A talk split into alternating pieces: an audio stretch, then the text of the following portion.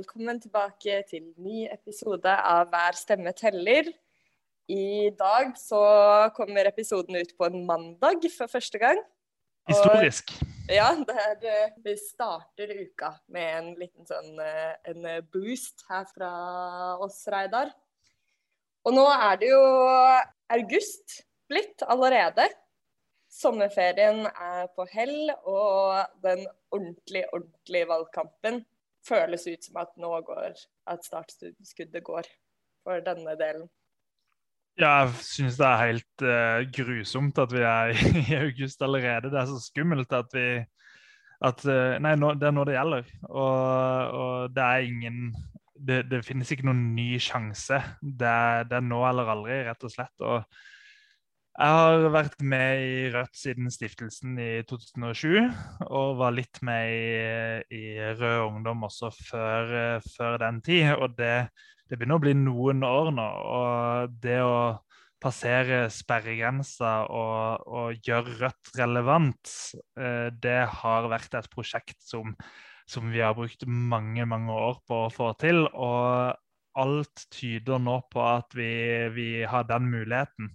Og vi må nesten få liksom mageplask for å ikke lykkes. Uh, og det kan skje. men, uh, men, det ser lovende ut nå. Så nå, nå, er det bare å holde deg helt inn og gi jernet hele veien til, til 13.9. Og det er jo eh, så vidt 40 dager igjen til. Så ja.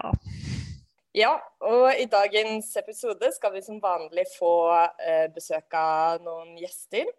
Eh, I dagens episode får vi besøk av eh, Else Birgitte Seker, som er eh, lagsleder for Rødt i Verdalen, som skal snakke litt om sin egen erfaring med det å bli ufør når man ikke ønsker det selv. Um, og det er en problematikk som gjelder mange mennesker. Som du blir sjuk, men man har jo ikke lyst til å være syk. Man har lyst til å fortsette å stå i, i jobben sin, som man er, er, glad i. Og Else snakker en del om hvordan det finnes så utrolig mange forskjellige historier om veien til å bli ufør, og opplevelsen med å være ufør, og hvordan man opplever at man blir stigmatisert eller oversett i samfunnet som eh, det fungerer i dag, hvor arbeidslinja står veldig sterkt. Og man fort blir sett på som Hva skal man si, Reidar? Eh, ikke, ikke, en aktiv del av samfunnet, nesten. Mm. Og, og, hvor tilfellet ofte er at man nesten har jobba for hardt. Og kanskje slitt ut kroppen sin, eller stått i situasjoner som er eh, ja, mer enn det en, eh, en person i full arbeid gjør. Absolutt. Og dette er jo en bit av, av Forskjells-Norge som kanskje er blant de aller mest provoserende. For som du sier, så, så, er alle uføre har sin personlige historie. Men på et eller annet vis så har høyresida klart å liksom vinne, vinne, debatten med å bruke begrep som navere eh, for, å, for, å, for å nettopp stigmatisere og bygge opp om ideen om at om at de som, de som får trygd, og de som er uføre, at, at det, er, det, er, folk som, eh, som, eh, som, mer eller mindre stjeler av felleskassa. Eh, mens det er jo heller stikk motsatt. Det er de som har de harde jobbene, gjerne. Folk som eh, jobber som sykepleiere og renholds... Eh, eh, renholdsarbeidere osv. Som, som, eh, som har tunge yrker, som, eh, som eh, fort havner som, eh, som uføretrygda. Det er jo de som får samfunnet til å, til å gå rundt, altså. Mm. Eh, så det er utrolig provoserende hvordan høyresida på mange måter har kapra litt eh, den debatten. Og så er det ting som skjer nå med uføreopprør og folk som gjør en fantastisk innsats, sånn som eh, ja, Elisabeth Thoresen, som leder AAP-aksjonen. Det er så viktig. Vi har jo sett gjennom de siste åtte årene nå hvordan det kuttes i uføretrygden. Og det er jo et eh, hva skal vi si, et uttrykk vi har brukt mye i Rødt, at man blir jo ikke friskere av å være fattig. Definitivt ikke. Så, så hele systemet har egentlig blitt opp ned. og eh, Nav har jo blitt så vanskelig at du får jo ikke møte en kundebehandler som skal, som skal kjenne deg engang. Så du må sitte og ringe til mange ulike saksbehandlere som, eh som etter hvert. Så jeg tror jo at alle som jobber i Nav, har lyst til å hjelpe. Men Eh, det, det, har jo blitt sånn at de ikke har tid til det. Så mm. for de så er eh, folk som ikke lenger klarer å være i arbeid, de er, har blitt til tall. Eh, så det har blitt et uh, forferdelig system som ikke ser, som ikke ser mennesket i det hele. Og, eh, det finnes jo land som, som, har det enda verre enn uh, en, uh, det i Norge. Og jeg vil anbefale veldig å se filmen I, Daniel Blake eh, som, eh, som, handler om mye, mye, av det samme fra Storbritannia, og som rett og slett er hjerteskjærende, men som også er varm og en fantastisk, en fantastisk film. Så, så, trenger dere en pause fra selve valgkampen, så, så er det en fin film å se i, som, som, henger tett sammen med, med temaet vi snakker om nå. Mm. Og Vi får også besøk av Seher Aydar i dagens episode, hvor eh, andrekandidat i Oslo, og som også jobber som rådgiver på Stortinget, som skal fortelle litt om hva Rødt vil gjøre for uh, uføre.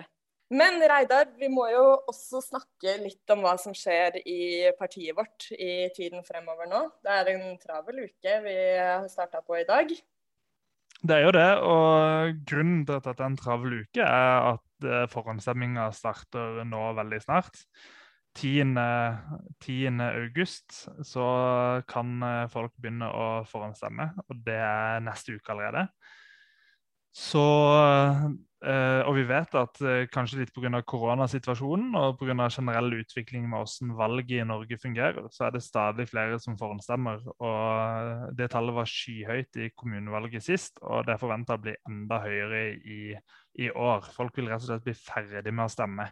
Uh, så det er ikke sånn at man kan vente siste uka med å dele ut flyers, for da kommer du til å dele ut flyers til masse folk som allerede har stemt. Eh, mm. Så jobben må gjøres nå. Eh.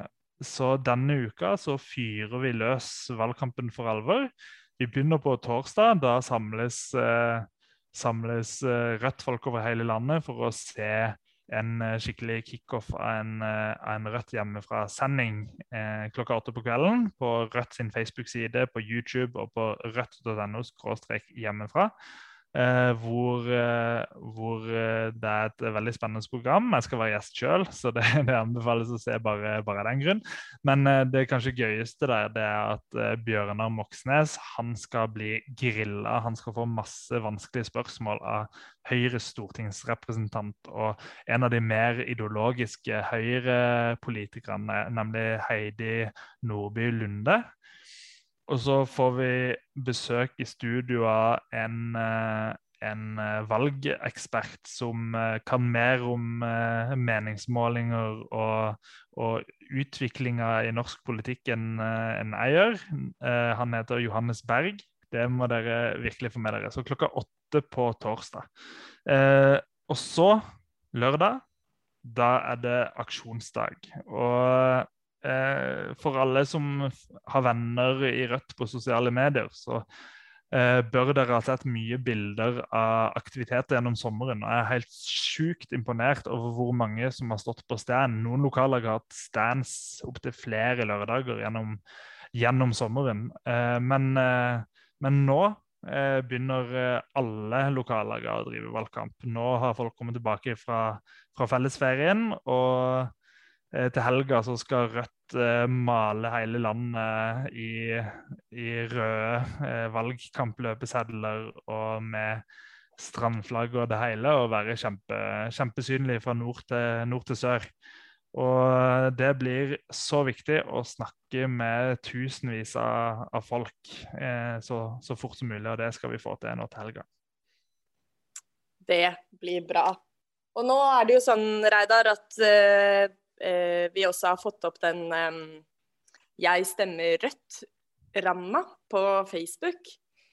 Eh, og dersom man ikke har mulighet til å være med ut og stå på stand, men vil drive litt mer sånn sosiale medier-valgkamp, så er det å anbefale å sette på den ramma. For da ser alle vennene dine at du stemmer rødt, og kanskje også tenker at oi, jeg er person som det går an å ta kontakt med og stille spørsmål om hvis man er i tvil på hva man, hva man eh, skal velge, eller har spørsmål om så det er en sånn veldig enkel og grei ting å gjøre nå med en gang. Ja, det tar to minutter, og det er noe av det smarteste du kan gjøre for å reklamere for Rødt på, på Facebook. Fordi eh, algoritmene de opprioriterer profilbilder. Eh, mange av vennene dine vil se at du har skifta bilde. Og det at vennene dine ser at du er en Rødt-velger, det er verdifullt. Eh, fordi Eh, det kan være at mange vet at du er det allerede, men, eh, men eh, for, for, en del andre så kan det være et lite obs. Litt sånn hm, interessant. Er, er han rødt? Og er det også mange, så, i, så, mange venner jeg har som stemmer rødt. Hm, kanskje, kanskje, det ikke er så gærent å stemme rødt likevel. Kanskje det er noe også for, for meg. Mm. Men nå, Reidar, nå skal vi høre fra Else Birgitte Sæker først. Og deretter skal vi høre fra Seher Eidar, som skal fortelle om hvordan Rødt ønsker å sikre uføres rettigheter. Da har jeg fått med meg Else Birgitte Seker. Hei, Else. Hei. Så hyggelig at du kunne bli med. Veldig hyggelig å bli spurt. Du er jo eh, lokallagsleder i Rødt i Verdalen. Mm. Og du stiller også på liste til stortingsvalget nå. Mm. Hvor eh, du er tredje kandidat i Nord-Trøndelag. Det stemmer, ja. Hvordan, eh, hvordan, står det til nå? Hvordan går det i lokallaget? Er det full valgkamp? Ja, det er jo en litt sånn type redusert valgkamp, da, i og med at vi er i, fremdeles i koronasituasjon. Så, men ja da, eh, spesielt nå framover så begynner det jo med debatter og stand og alt det som er gøy. ja. Snakk med folk og i lokalmiljøet og ja, alt sånt som eh, som er kremen da, for oss eh, eh politikere. Mm. Ja, Har du vært med på mange valgkamper tidligere, eller? Nei, jeg har ikke det. Eh, ikke som eh, lokallagsleder, i hvert fall. Eh, det er første stortingsvalg. Og så er det da, har jeg vært med på et kommunevalg før da. og Det var jo heftig nok, det. Mm. Ja, og da ble du også valgt inn? Jeg ble ikke valgt inn i kommunestyret. Det, vi har en annen en som, jeg, som, tok den. Jeg hadde ikke noe ønske om å sitte i kommunestyret, jeg egentlig. Um, og det handler jo litt om det temaet vi skal inn på i dag. Uh, at man må være litt edruelig på uh, hvor uh, mye og, eller hvor lite man har av arbeidskapasitet. Mm. Ja, for Else, du er jo med her i dag fordi vi lager denne eh, temaepisoden om uføre og Rødt sin politikk for, for uføre. Mm. Og du er jo selv ufør nå. Og Har det en sammenheng med ditt engasjement i, i Rødt? Ja, til en viss grad så har det det. Uh, jeg var uh, engasjert i et uh, annet parti tidligere, og det fungerte ikke for meg. så da tenkte jeg at det var politikken som ikke stemte for meg, selv om jeg er en engasjert sjel, som det heter. Så, men så gikk det noen år, og så ble det jo levert et mistillitsforslag da, på en dame. Uh, og da satt jeg hjemme og, i stua mi og jubla og kosa meg. Og så tenkte jeg at ja, nå er tida inn for å prøve et nytt parti. Så da meldte jeg meg inn i Rødt og har faktisk ikke følt noe annet enn at jeg er velkommen overalt med hele meg, også min uførhet. Det er godt å høre. Men vi er jo opptatt i Rødt av å prøve å knuse en del av de mytene rundt det å være ufør. Det er jo Det dukker jo opp både under valgkamp, men også i, gjennom året. Alle de her gamle tropene om uføre som enten skattesnyltere eller late eller folk som ikke vil jobbe. Men du har jo allerede nevnt for meg at noe av det viktigste å huske på er det at de uføre er jo ikke en homogen gruppe, det er jo masse forskjellige folk med helt unike og egne historier. Og en av de er deg. Jeg lurte på om du kunne fortelle litt om hva er din opplevelse med å gå fra å være i arbeidslivet til å bli sittende som ufør? Ja, jeg har eh, mye vi har lyst til å si om akkurat det. Eh, fordi at eh, å være i arbeidslivet og, og, trives og blomstre i arbeidslivet, som, som jeg gjorde da. Jeg elska jobben min. Jeg, jeg, jeg, levde for jobben min. Eh, jeg var coach eller kompetanseansvarlig i eh, en av verdens største telekommunikasjonsbedrifter. Og um, jobba da med opplæring og hadde en kjempefin jobb. Jeg reiste en god del og Ja, det var liksom skreddersydd til meg og både min utdanning og, og, og personlighet, da. Så begynte jo kroppen å skurre.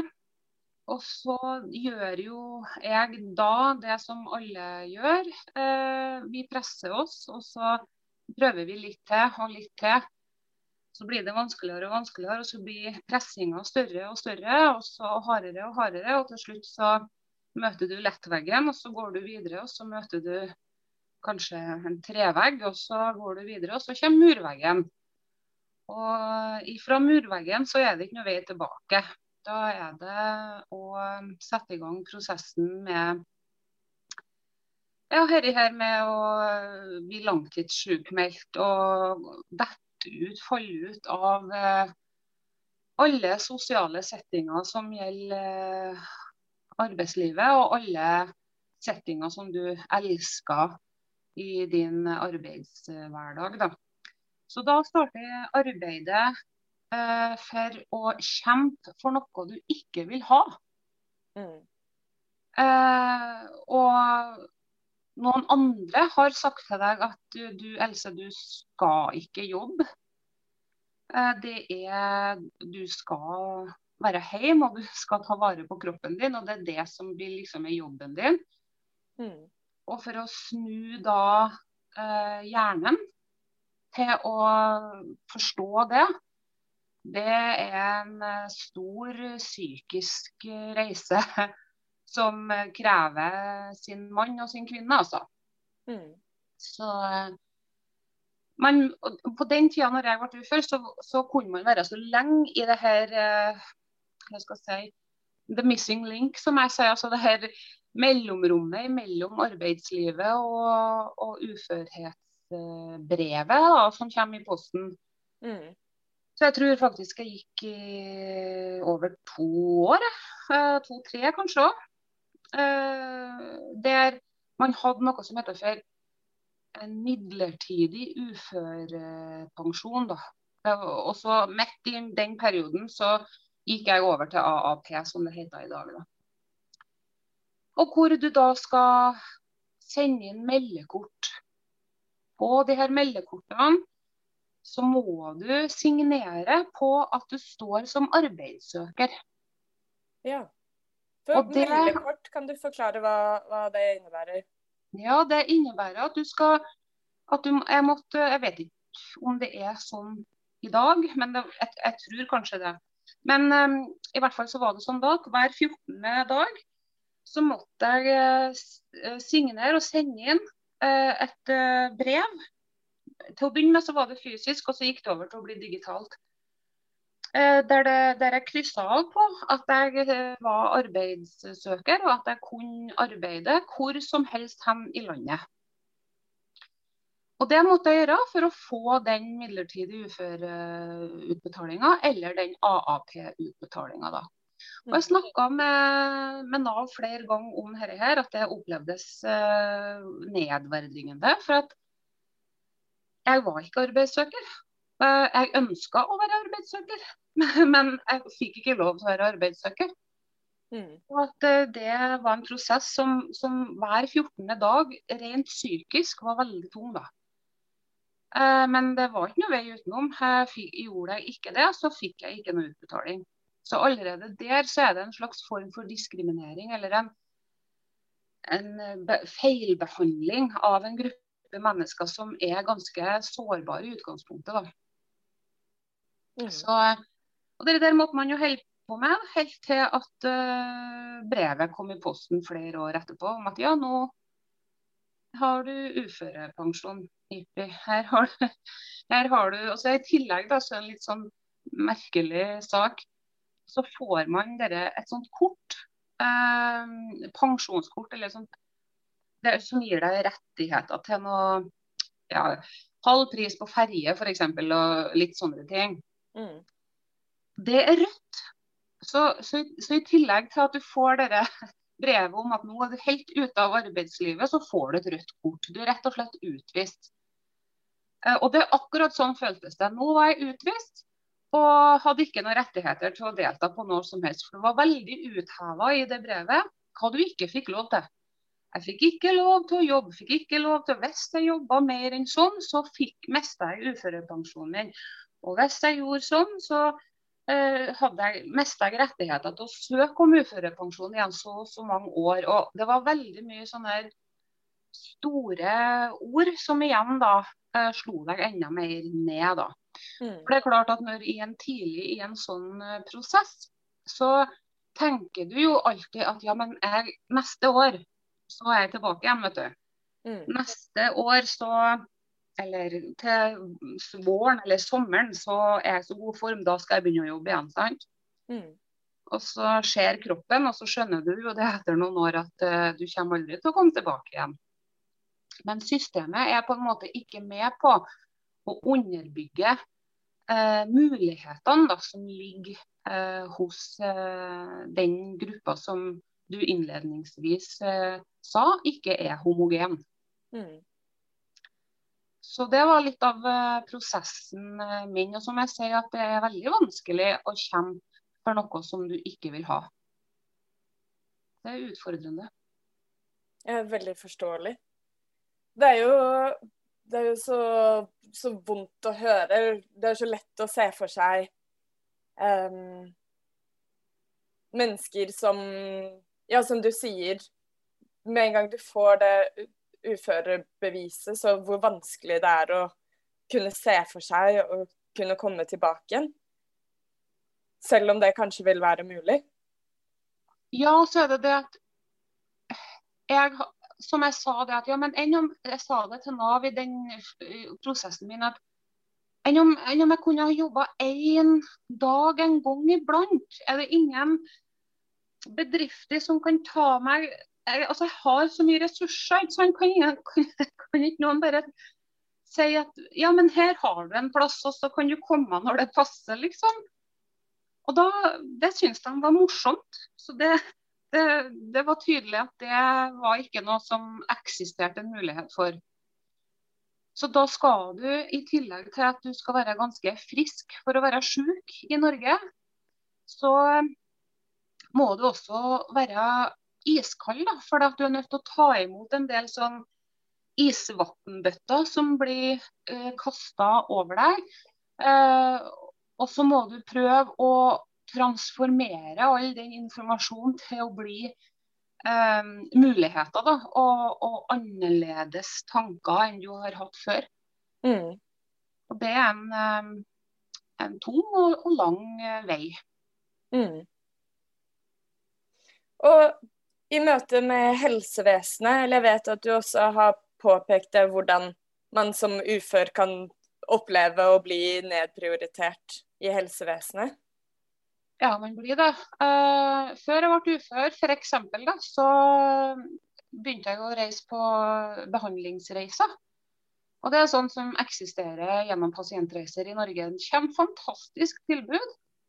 Som uh, man, de som er raumatiske, bl.a. som meg, da, uh, kan få reise og være en måned uh, på steder der man får lære om hvordan man kan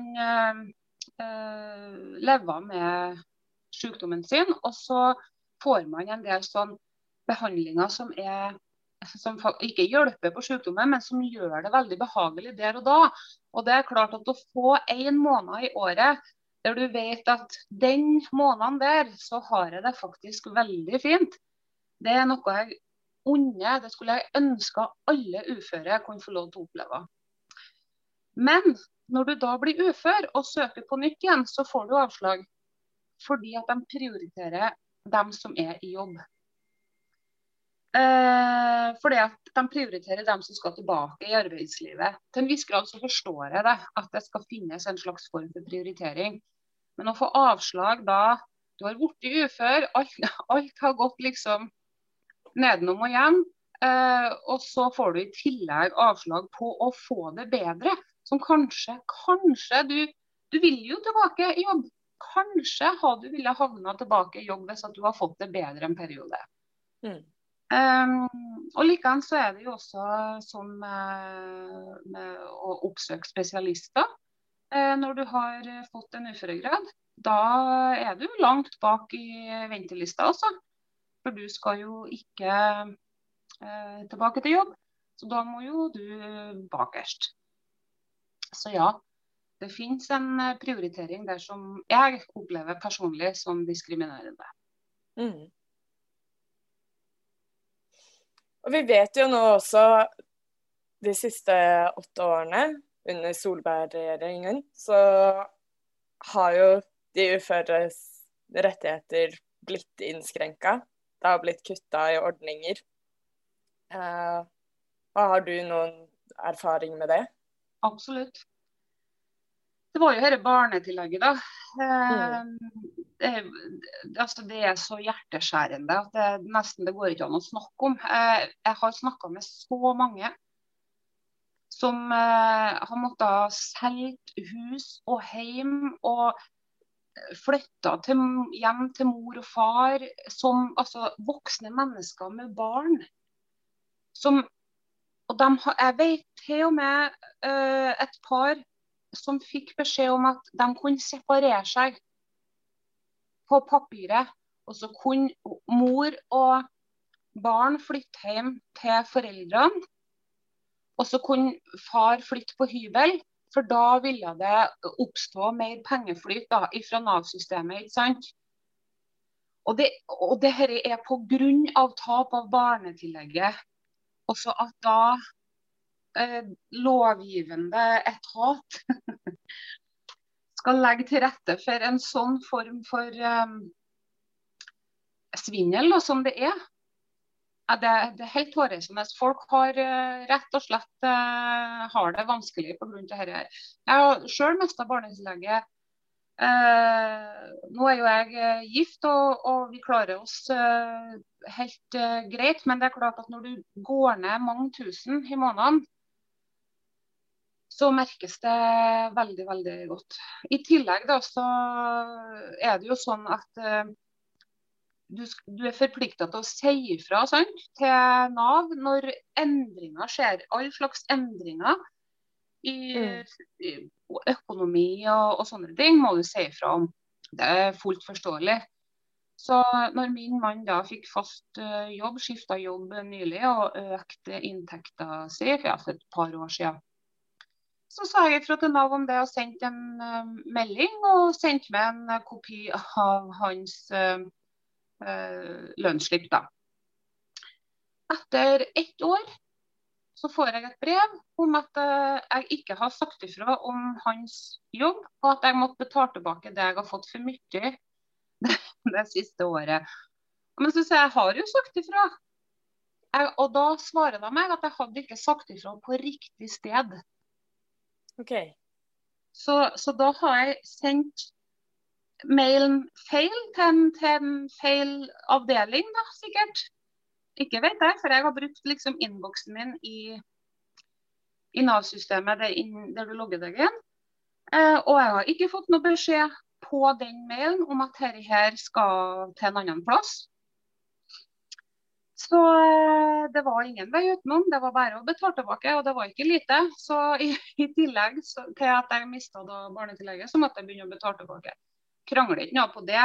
Eh, det er bare det her som er typisk med det her store byråkratiske systemet. da, At du skal gjøre det så riktig. Og, og, og du tror sjøl at du eh, er lovlydig og uh, gjør alt sånn som det skal gjøres og passer på det meste. Og så blir det òg feil, liksom. så, mm. nei, det er, det er mye rart uh, som har skjedd nå etter i de her åtte årene. Også. Men størst er selvfølgelig eh, barnetillegget. Mm. Men Hva tenker du Else, at vi som Rødt-aktivister og som skal eh, drive valgkamp nå den neste en og en halv måneden, hva kan vi gjøre? Hvordan kan vi snakke med, med folk om uføres rettigheter? Hvordan kan vi Mm, jeg tenker det at Å gjøre det vi gjør nå, er en start. Uh, vi har flere uføre som er eh, politikere eller eh, medlemmer da, i eh, Rødt. Bruk dem for alt de er verdt. Kanskje samle ressursene. for det at, det at man har en uførhet, betyr ikke at man er ressurssvak. Vi har mange ressurser hos uføre i Rødt. Og når jeg er veldig åpen sant, om at jeg er ufør, uh, så er det mange uføre som kommer til meg og sier jeg er også ufør. Og det er så gøy å finne andre uføre som også engasjerer seg. Uh, og så viser det at uh, uføre kan engasjere seg i politikken uten at det har noe utslagsgivende kraft på verken trygda di eller andre ytelser.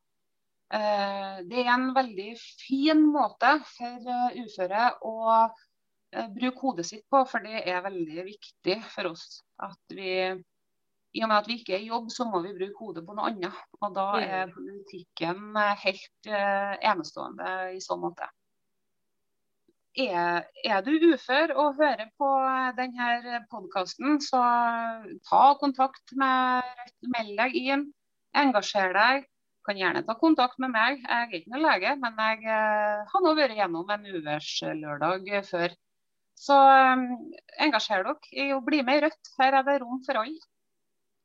Jeg kan skrive under på det. Tusen takk, Else, for at du eh, ble med oss her i dag. Og masse lykke til med valgkampen og fremover. Tusen takk. Og god sommer videre til deg og dere og alle, og god valgkamp! Da har jeg fått med meg Seher Aydar, rådgiver på Stortinget og andrekandidat for Rødt i Oslo. Hei, Seher. Hei, hei. Du, jeg eh, tenkte å invitere deg fordi det er um, Nå har vi hørt fra Else Birgitte, som har fortalt litt om både sine egne opplevelser med å bli ufør, det å bli syk sånn at du ikke lenger Og hvordan Det er jo noe som kan ramme alle av oss. Det kan skje hvem som helst. Eh, og så har vi ganske mange ordninger i Norge, i velferdssystemet vårt, som skal fange oss opp dersom det skjer. Men dette er jo ordninger som vi de fleste av oss veit veldig lite om før vi plutselig havner i den situasjonen. Og det er jo et stort felt som Rødt også har mye politikk på. Og jeg tenkte at du kanskje kunne hjelpe oss litt med å forstå litt mer av hva disse ordningene innebærer, og hva det er som har skjedd med de i løpet av um, høyresidas um, regjering på Stortinget de siste åtte årene og hva Rødt ønsker å gjøre fremover. Mm. Eh, jeg tenker at det at dette feltet er, oppleves så komplisert, er egentlig eh, ikke bare en opplevelse, men det er så reelt. da.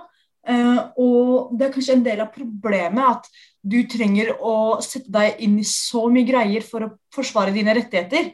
Eh, og sånn burde det ikke være. Og denne saken handler egentlig om uh, Denne viser på en måte uh, brutaliteten i Forskjells-Norge så synlig. da. Fordi mens de rikeste har nytt godt av store skatteletter, har det kommet mange smålige kutt eh, til de som allerede hadde lite.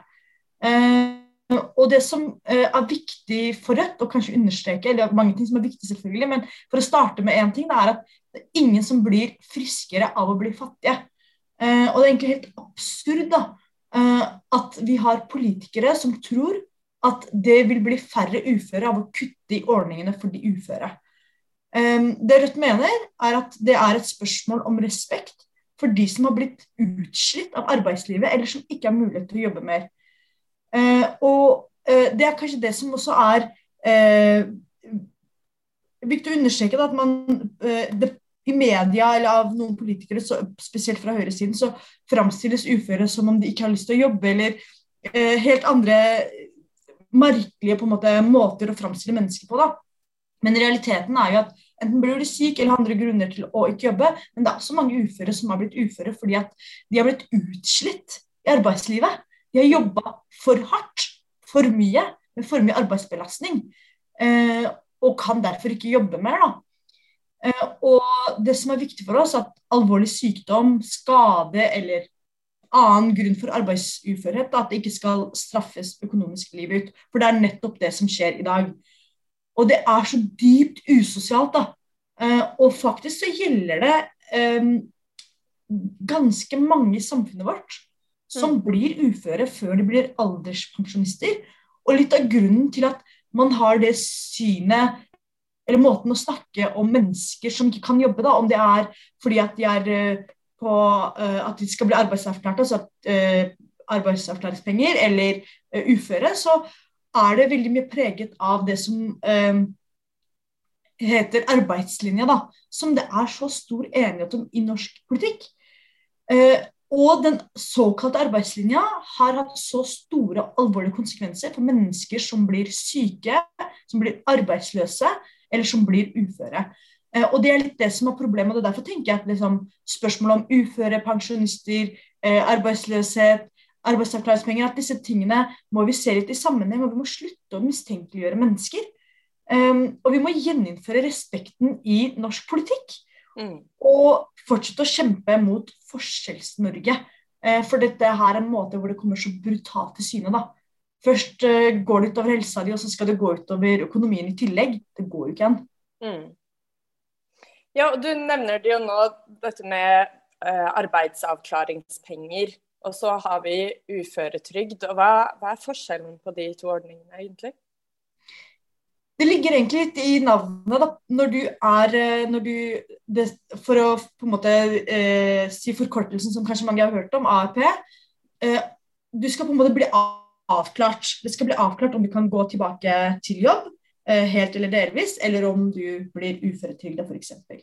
Problemet nå er at eh, man har kutta så mye i ordningene for arbeidsavklaringspenger at det er faktisk ganske mange som til slutt eh, ender opp med å måtte motta sosialstønad, sosialhjelp, fordi at arbeidsavklaringsordningene dessverre ikke er altså Regjeringa har faktisk gjort så store og eh, problematiske kutt. da, At det har blitt vanskeligere for flere.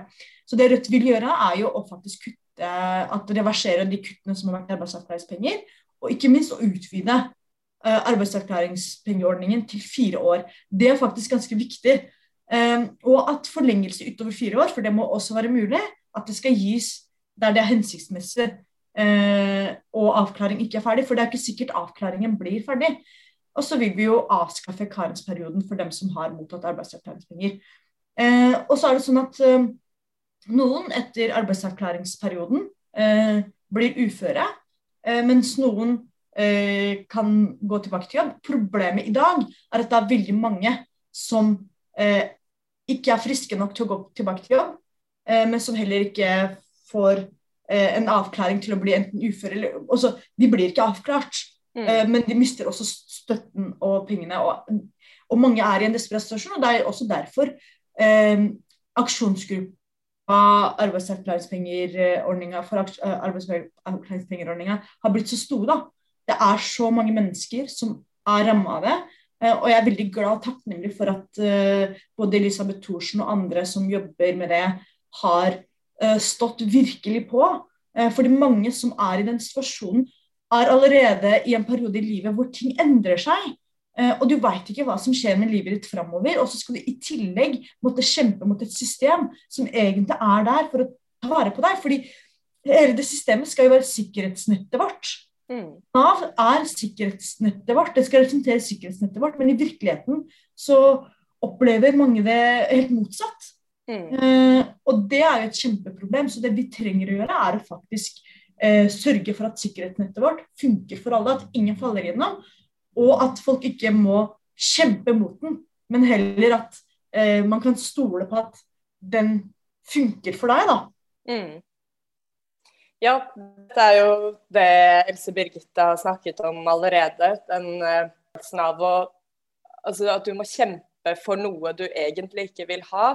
For veldig mange ønsker jo kanskje å bli stående i jobb, og syns jo det er kjempevondt å måtte forlate jobben sin. Og så må du kjempe for å få muligheten, eller de rettighetene du har krav på i den situasjonen. Mm. Det er helt forferdelig. Og det er på en måte det som også eh, ikke sant? ordningene er jo preget av er en konsekvens av hvordan politikk og politikere tenker. Eh, og når man tar utgangspunkt i at um, uføretrygghet eller uh, sykdom og osv. At det er noe du kan velge. At uh, folk som blir syke, kan velge å jobbe uh, osv. Så sånne ting. Eller at folk som egentlig er arbeidsføre, velger å bli uføre. Altså, denne type mistenkeliggjøring og egentlig skikkelig virkelighetsfjern tilnærming til hvordan ting egentlig er, tror jeg er med å gjøre det vanskeligere for mennesker som øh, blir arbeidsuføre. da. Mm. Uh, og det tror jeg at vi er nødt til å ha et ordentlig vendepunkt mot. altså At det her går ikke lenger. Jeg må si at uh, du, kan du ikke jobbe, så kan du ikke jobbe, da. Altså, mm. det, sånn er det. Og de fleste vil jo, som du sier, ønsker å jobbe. Det er også en del folk som er på arbeidsavklaring eller uføreperioden som kunne tenke seg å jobbe litt, kanskje ikke helt, men som finner det vanskelig eh, å, å, å eh, få til den balansen. Sånn at vi trenger eh, egentlig totalendring av mm. hvordan det funker nå. Mm. Men se her, dersom man ønsker å sette seg enda mer inn i det her og Rødt sin politikk, har du noen tips til hvor man skal starte? Eh, ja, vi har jo faktisk ganske mye politikk på akkurat eh, dette i arbeidsprogrammet vårt. Mm. Um, og så har vi jo uh, mye på pensjonsreformen, og det høres um, Jeg tenker sånn For oss som er i 30-årene, så sier man liksom pensjonsreformen, så blir jeg sånn Første gang jeg skulle lese om pensjonsreformen, så ble jeg sånn, jeg fikk nesten hodepine av å tenke på at jeg skulle tenke på pensjonsreformen. Fordi det, det virker både så fjernt, og så vil du på en måte du vil slippe å tenke på det, men så er det faktisk noe vi trenger å tenke over. Eh, og denne saken handler også om hvordan pensjonsreformen er. Eh, og pensjonsreformen er veldig urettferdig, og det mm, tenker jeg at eh, viser litt av problematikken. Da, fordi at eh, den både eh, rammer mange, og den øker også klasseskillene. Eh, og hvis vi tenker da at hvis man blir ufør f.eks. og må gå av Eh, de første årene etter fylte 62 år, enten fordi man ikke kan jobbe lenger, eller fordi man har blitt presset ut av arbeidslivet, så risikerer man å få en alderspensjon på nivå med minstepensjon. Eller noen tusen kroner mer.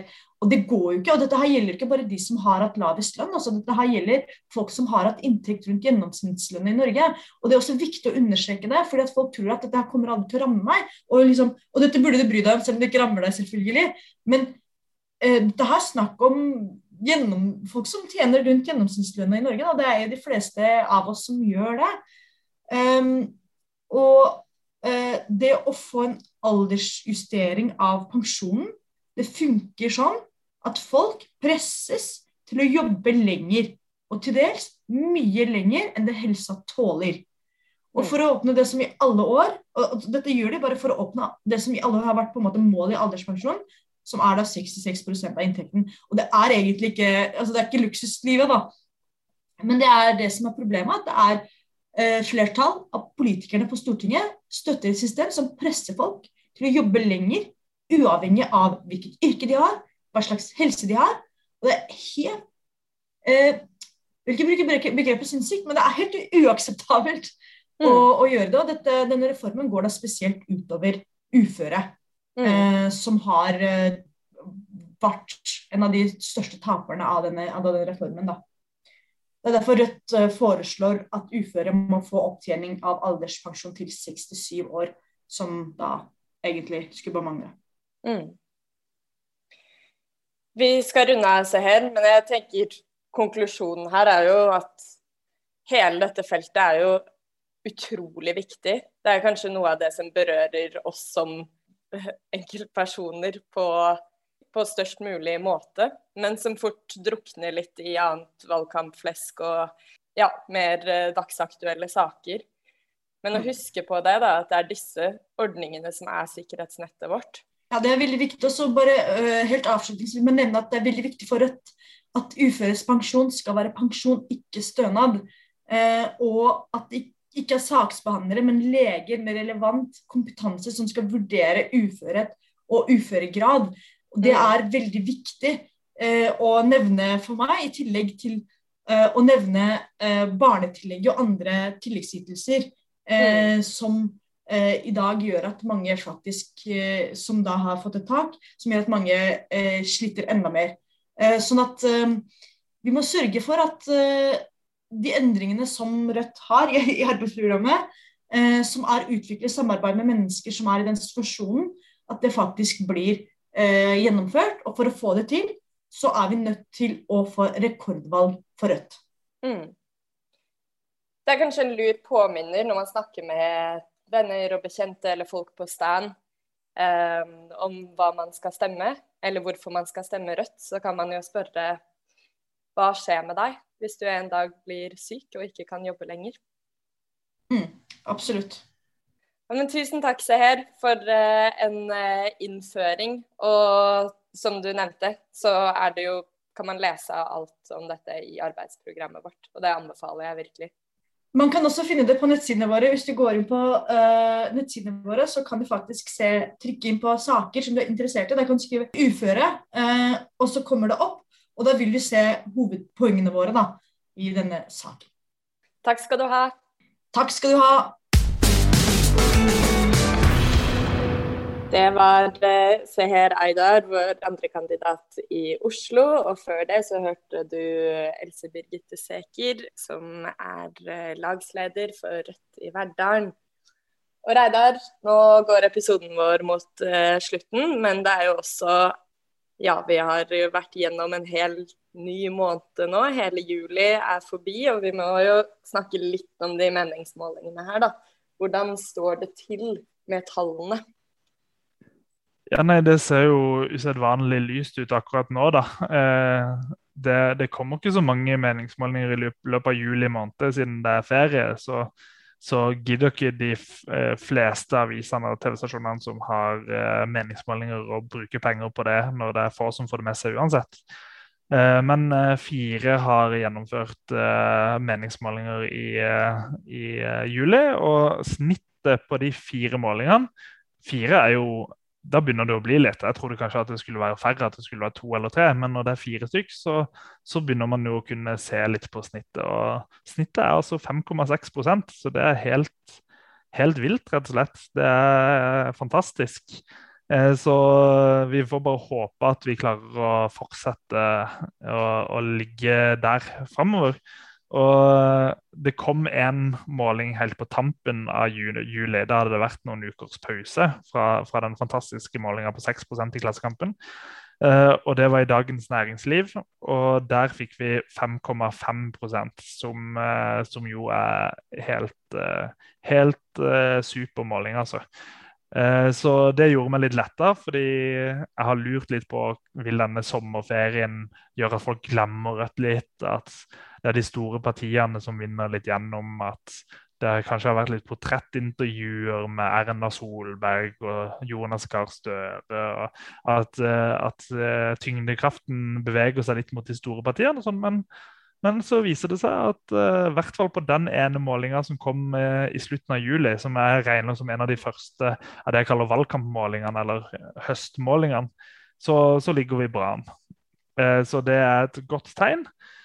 Men nå er vi i august, og nå kommer det til å renne inn med meningsmålinger i ukene framover. Så vi får mye å snakke om, og det blir forferdelig spennende å se om trenden fortsetter, og om medvinden eh, holder, holder, helt inn. For vi har jo en ambisjon, altså målet til Rødt, eh, målet vi jobber for, det er å komme over sperregrensa på 4% Men så har vi en ambisjon om å nå enda høyere. Og de høyeste målingene de har jo gitt oss eh, 7,2 og 7,6% De er fra 2019. Det var liksom de to rekordmålingene våre. Men vi tenker at når det har vært målinger som er så høye, så er det ikke noen grunn til å ikke jobbe for den oppslutninga. Så det er jo, det er jo vår, vår, store ambisjon å strekke oss mot. Eh, så hvem vet? Vi er på 5,5 nå. Det er ikke lenge siden eh, målingene ga oss fire. Så vi får bare gønne på og satse på at, eh, på at alle de aktivistene vi har på gata, og de flotte kandidatene våre som jobber beinhardt rundt i hele landet, at eh, vi bare drar i samme retning og, og klarer å, å, løfte oss enda mer. For plutselig så går det fra at vi får det som er veldig bra, og får 6, 7, 8 stortingsrepresentanter, til plutselig å få 10, 11, 12, 13, 14. Altså, hvem vet hvis, eh, hvis oppturen fortsetter som nå, men da, da må vi jobbe hardt. Mm. Men det er det vi skal det er det vi skal, og jeg tror veldig mange er klare. og det er jo vi, vi, er, vi, er, jo heldige. altså Hadde vi vært Venstre nå, eh, som hadde vært livredde for å havne under sperregrensa, det ser jo sånn ut akkurat nå, da er det jo ikke veldig motiverende. Da, da må du liksom stå på for å redde, redde, redde det lille, lille, du har. Mens for oss så, så, ser vi nå at vi har muligheten til å både eh, få til et rekordvalg og enda bedre. Det tror jeg vi skal klare. Og i første omgang så ses vi nå på torsdag på Rødt hjemmefra-sending. Og så må vi ønske alle lykke til med aksjonsdag eh, til helga. Absolutt. Det kommer til å bli kjempegøy. Jeg, er klar. Jeg har uh, avtalt på hjemmebane at jeg skal få litt fri til å drive valgkamp, så det blir, det blir veldig kjekt. Det er bra. OK, takk for i dag. Ha det bra. Ha det godt.